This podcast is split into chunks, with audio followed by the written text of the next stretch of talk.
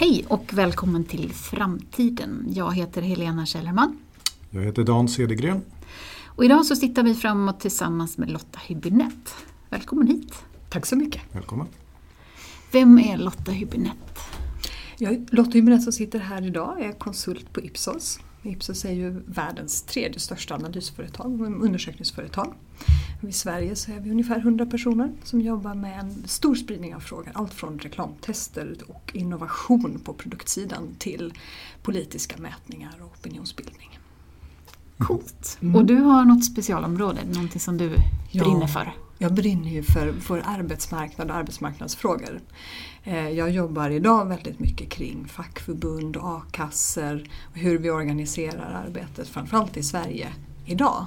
Och gör både intervjuer och, och analyser kring både arbetsgivare, arbetstagare, organisationer, fackförbund eh, och så. Så att jag tittar ganska mycket här och nu och lite framåt men, men kan inte låta bli att fundera på de där stora, långa penseldragen om framtiden. Jättekul. Det är det vi ska ägna oss åt. Det idag, tänkte vi.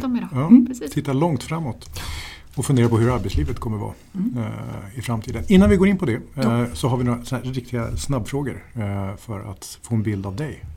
Vem, mm. vem, du är som person. Så här, är, här är korta snabba svar. du får välja. första är om du ska ut och promenera. sticker du helst, helst ut och promenerar i Sarek eller i Soho? Måste jag välja på den? Jag vill ju göra både och. Måste du välja? Ja, just nu kör jag Soho. Nu kör Soho. Det är höst, det är september. Mm. Mm. Konsert med Avicii eller Dylan? Avicii just nu. Mm. Om du ska dricka en kaffe då, eh, gör du det helst på en espressobar eh, eller tar du kokkaffe på vedspisen?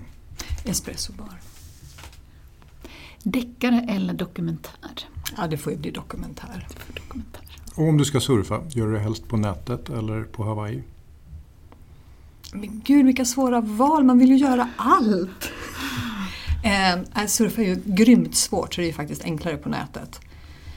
Eh, fånga en våg, den... Eh, mm, been there, done that, men det är svårt. Mm. Till, till framtiden då? Ja, vi tänker om man börjar så här, hur, hur, hur kan man prata om framtiden? Hur, hur gör du när du tänker framtid? Var börjar du någonstans? Jag brukar börja här och nu och vad var förut, vad har vi nu och vad ser vi framåt?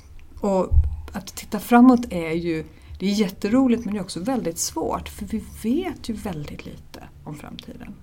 Så när vi pratar framtiden inom Ipsos så brukar vi titta på tre frågor.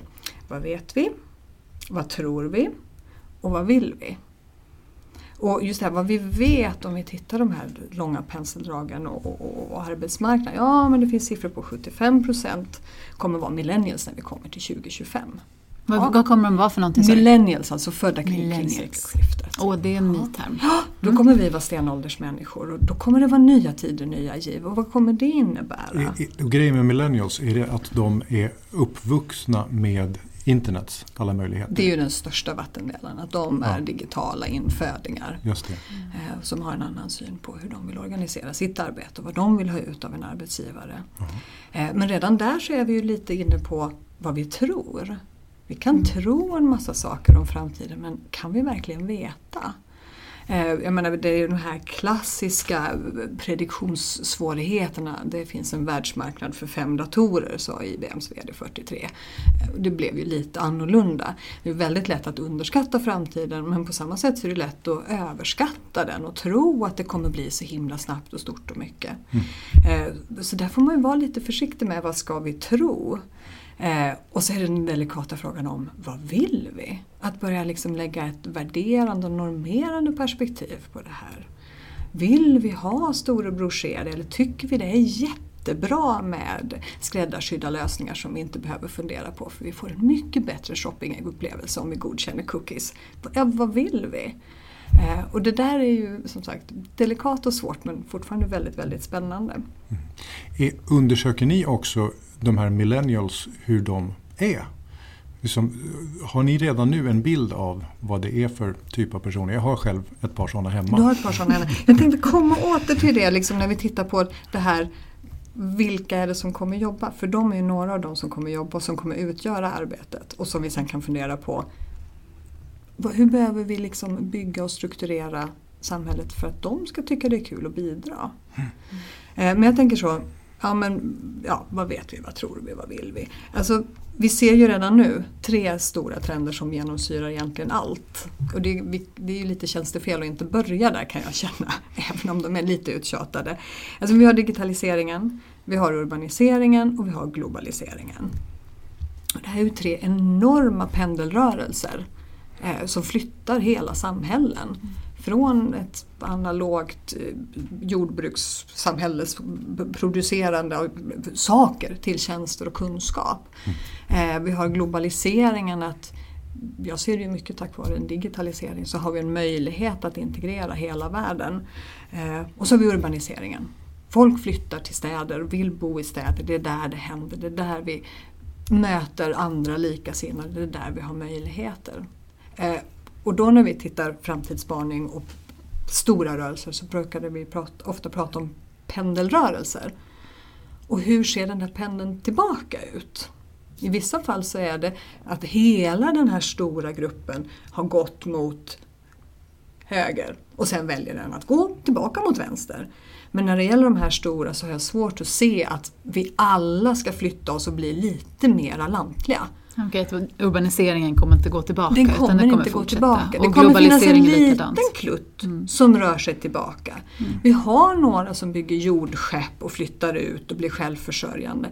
Men den stora massan av jordens befolkning kommer sannolikt fortsätta bo i städer. Mm. Sen, digitaliseringen likadant. Det är svårt, svårt att se en rörelse tillbaka där. Mycket svårt att se en rörelse tillbaka. Globaliseringen däremot, där finns det väl liksom mellanåt eh, nationalistiska trender mm. som, som mm. begränsar mm. och som mm. eh, eh, som, som liksom vänder åt andra hållet. Precis, och, och, den är ju också, apropå, för det här handlar också om politik. Helt plötsligt så devalverar Kina sina yen och så ritas den kartan och de ekonomiska förutsättningarna för en produktionsglobalisering ritas om i ett politiskt beslut. Mm. Vilket gör det svårt att säga att det kommer bli si eller så. Men vår smak för världen och vår känsla av att vi är, har ett jordklot, den, där tror jag inte heller hela hela massan kommer röra sig tillbaka. Och också att vi ser att många utmaningar kring miljö men även kring produktion och arbete är globala frågor. Det räcker inte att bara förbättra villkoren på en fabrik i Örebro. Utan när jag träffar dem så säger de nej, det viktigaste vi kan göra är att förbättra arbetsvillkoren i Polen för då försvinner inte våra jobb dit.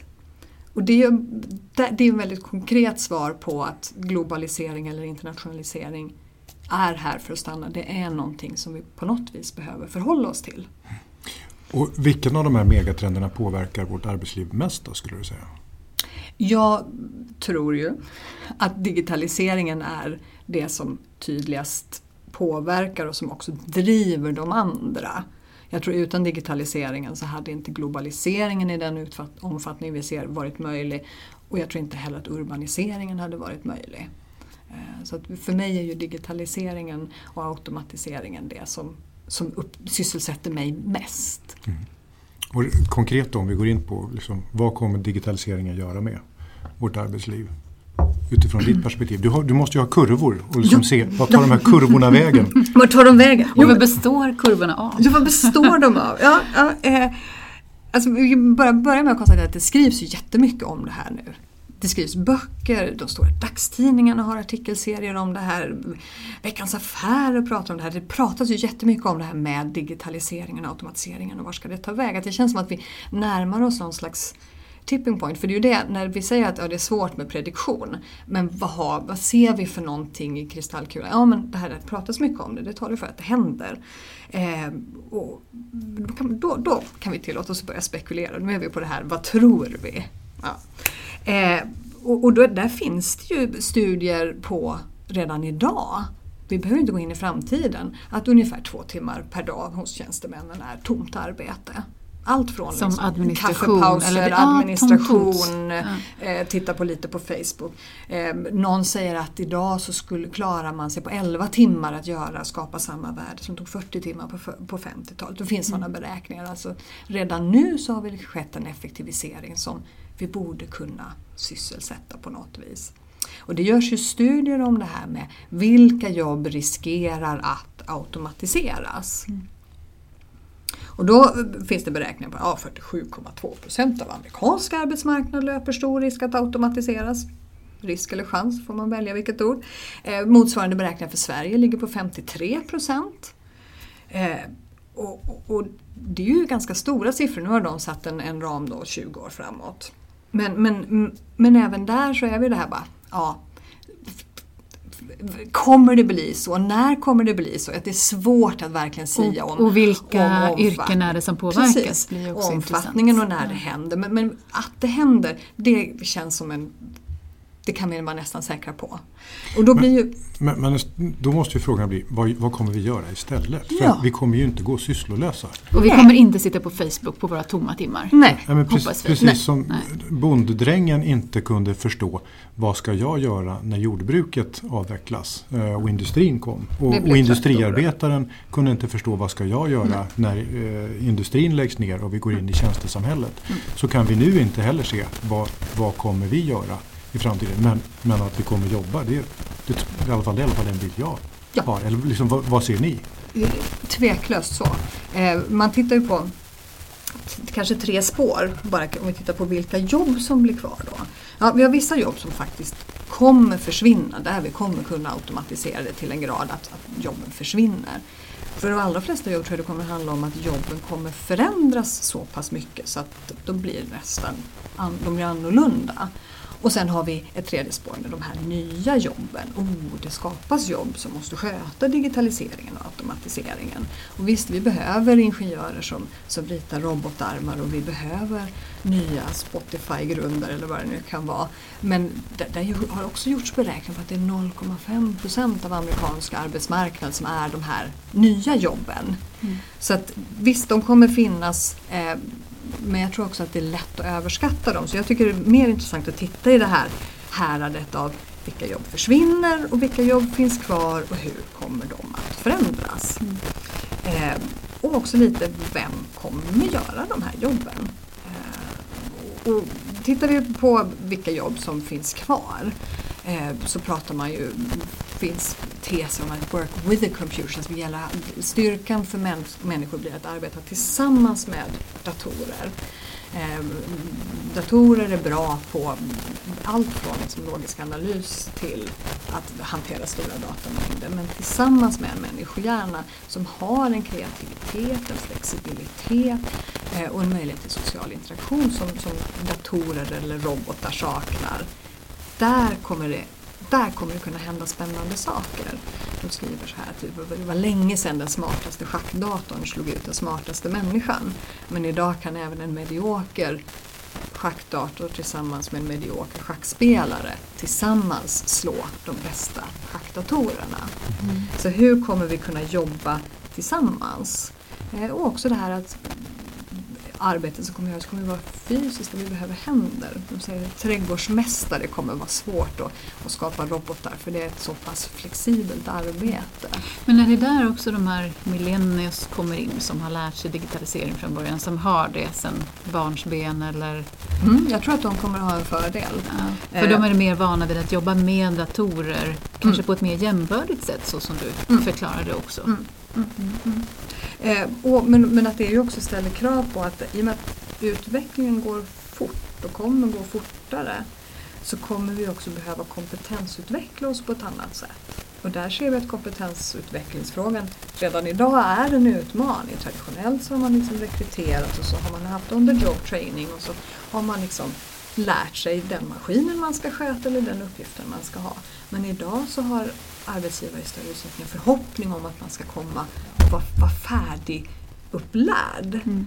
Eh, och, och, facken har ju drivit kompetensutvecklingsfrågan och försökt få, få det på kartan. Och när du pratar om kompetensutveckling, vilken typ av kompetens är det man ska utveckla? Jag tror att det är många olika kompetenser. En är ju den här rent tekniska, hur interagerar vi med datorer och automatisering? Hur, hur finns vi? Men också att hur gör jag det jag gör bättre? Hur gör jag det annorlunda? Så att jag tror att det, det är på många olika sätt men att vi behöver vara beredda på att kontinuerligt vara i ett lärande. Mm.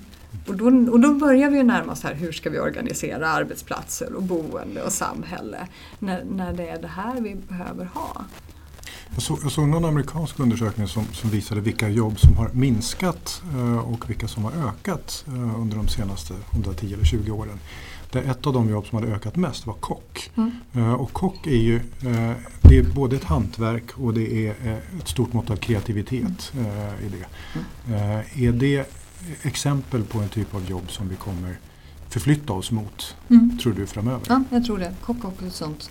De, gjorde ju, de trodde, hade ju en bild av att servitris, eller servitörsyrket skulle vara svårt att automatisera. För att de upplevde den här sociala interaktionen och så. Att det skulle vara svårt att verkligen få en, en robot att klara det. Eh, och så stoppade de in det i sin lilla beräkningsmodell utifrån sannolikhet och så kom det upp att 94% sannolikhet att även servitrisyrket automatiseras. Och så ser vi nu, ja men det var ju DN bara i helgen om, om, om robotar som både lagar mat och serverar och blir väldigt uppskattade. Det, de hade något exempel på eh, bara det att man själv får beställa via en, en, en iPad. Så att man har någon slags, någon som visar den till bordet och finns tillgänglig om, om man har frågor. Men bara det där att man själv fick beställa och sitta och fundera ökade försäljningen med 35 procent. Så det är apropå det här att det är svårt att fundera på vilka jobb finns kvar. Men, Mm. men jag tror som sagt kombinationen utav kreativitet, flexibilitet och händer. Och det där är också intressant med händerna. Ja, Och kopplat till det där så tänker jag då, vad, är det, vad kommer vi efterfråga? Vad kommer vi vilja ha? För att jag tycker också att man ser en, eh, en trend mot större och större kvalitet eh, där det som produceras av maskiner eller robotar eh, kanske, om man har valmöjligheter, ekonomiska valmöjligheter, väljs bort till förmån för något som är handgjort eller som en eh, duktig liksom, kock eller hantverkare har, har lagt sin hand vid. Eh, se, kan man se sådana såna trender också? Tveklöst är det ju så. Just att det digitala är lätt att kopiera och multi, skapa mång, många av så minskar ju värdet. Medan det som är handgjort antar man kommer ha ett ökande värde. Eh, Men då har vi det här med, med köpkraft och vad har vi för möjlighet att faktiskt konsumera unika handskapade föremål. Eh, Det kanske vi inte har.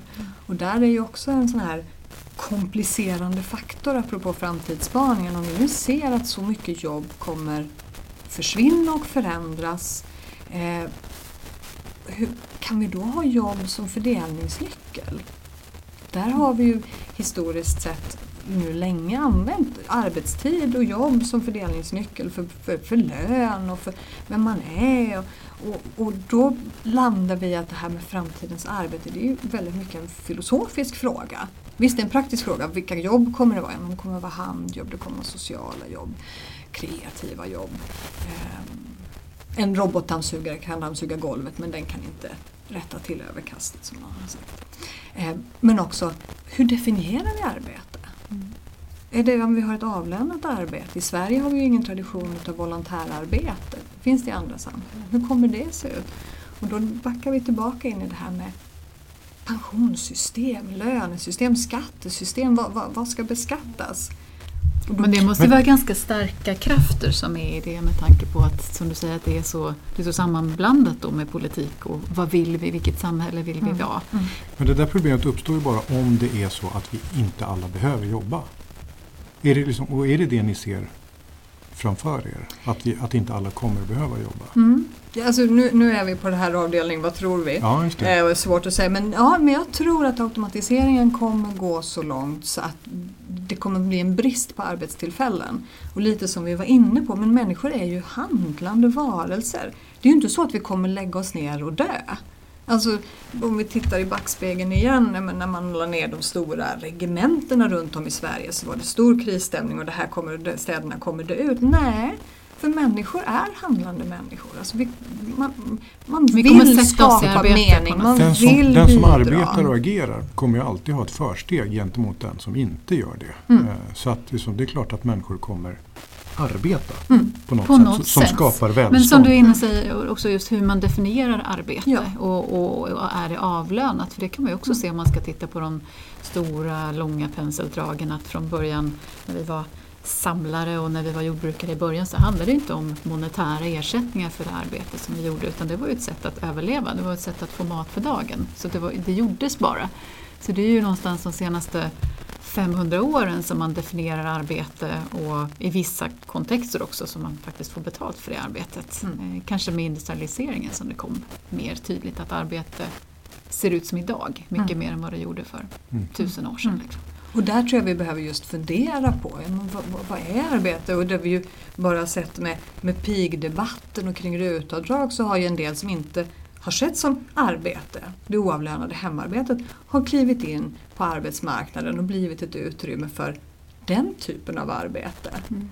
Och, och, hur kommer vi dribbla med de här? Och just för att människor mår bra av att arbeta och vi ser att i samhällen med hög arbetslöshet det är dåligt för alla. Alltså alla klyftor är dåligt både för de som är på toppen och de som är på botten. Och det gäller inte bara väl, alltså ekonomiskt välstånd, välfärd, pengar, inkomst utan också rent arbetstillfällen. Att det, två fattiga samhällen med olika grad av arbetslöshet så mår de som jobbar faktiskt bättre för de känner att de har ett värde, att de skapar nytta för sig själva och för människor runt omkring dem.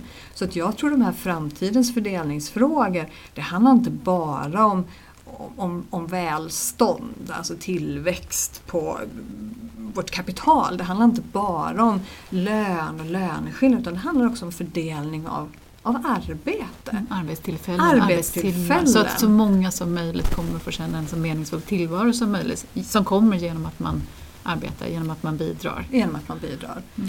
Men, men, men, så här då. Jag, om jag tittar på mina föräldrar. Eh, de var akademiker som jag eh, och hade liksom ganska ansvarsfulla jobb. Eh, men jag upplever att med, framförallt med tekniken så, så jobbar jag mer än vad de gjorde. Jag kollar min mail och jag korresponderar och kommunicerar hela tiden på ett sätt som de inte gjorde. Utan det var mer så att de jobbade och sen gick de hem och så var de lediga. Så att hittills har tekniken inneburit att personer med den typ av jobb som jag har jobbar mer eh, än vad man gjorde för sig 20-30 år sedan.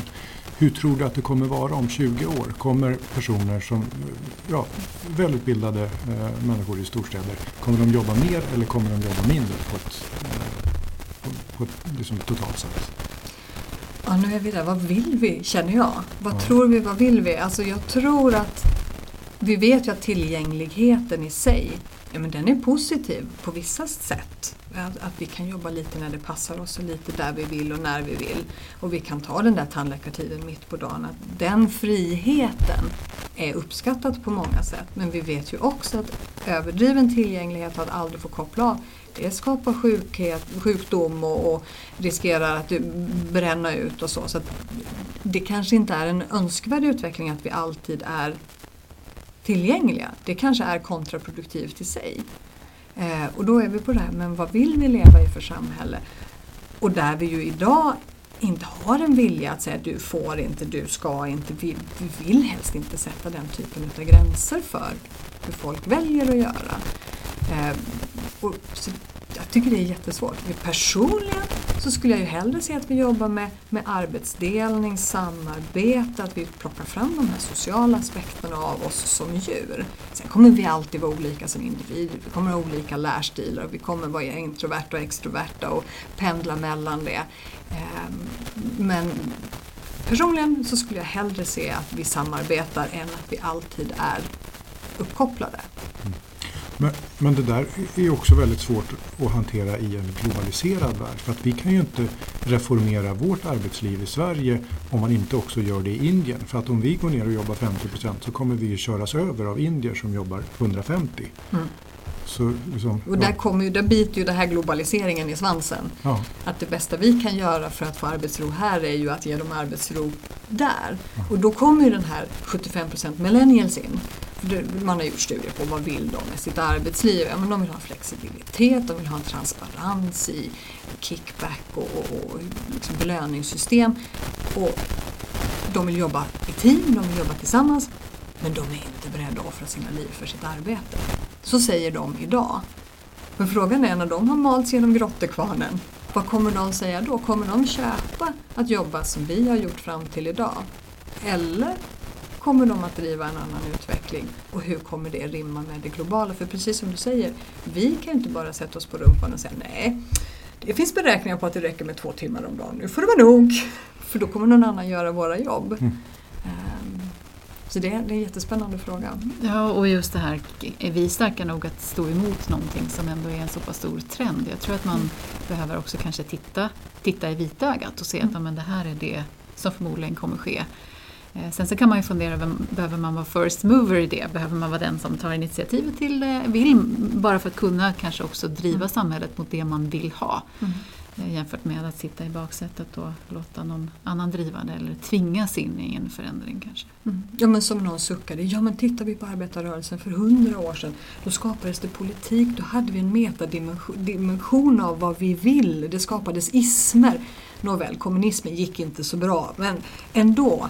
Och idag så saknar vi lite den politiska diskussionen för att det här är frågor som vi inte löser med befintlig partipolitik. Det här är frågor som vi behöver ha ett globalt grepp på. Och vi måste börja närma oss, tror jag, att vara lite värderande. Vad vill vi? Vad tror vi? Alltså, Och ur ett arbetsgivarperspektiv är det ju spännande också. Vad vill man skapa för typ av arbetsplats? Vilket företag vill man driva? Mm. Många företag som är globala eh, kommer nog också få en påverkan på ett helt annat sätt än vad det var för hundra år sedan. För då Mm. fanns ju inte de här globala företagen på samma sätt och kunde inte påverka. Så det är klart, fördelningsmässigt där så har ju företagen en ganska stor del av kakan också. tveklöst så. Och det, det är svåra frågor och väldigt mycket öppna, eh, öppna eh, varje fråga leder till mer frågor eh, nästan. Men om man ska försöka koka ner det då till en liksom förutsägelse om, om framtiden. Tror du som jobbar med eh, de här frågorna att framtidens arbetsliv kommer vara bättre för de allra flesta eller tuffare? Jag är optimist. Jag tror att det kommer vara bättre. Jag tror vi kommer se till att det blir bättre. Hur vet jag inte. Det kommer bli annorlunda, tveklöst. Men eh, jag tror det kommer bli bättre. Det lät bra. Ja, vilken bra avslutning! Stort tack eh, Lotta Hübinette. Jättekul att ha det här och jättespännande ämne att prata om. Vi har inte pratat så mycket om de här frågorna Vi återkommer nog till det tror jag. Ja, det känns som att det fanns mer att grotta i där. Tack, det var roligt att vara här. Ja, Tack snälla då avslutar vi för idag och på återhörande. På återhörande.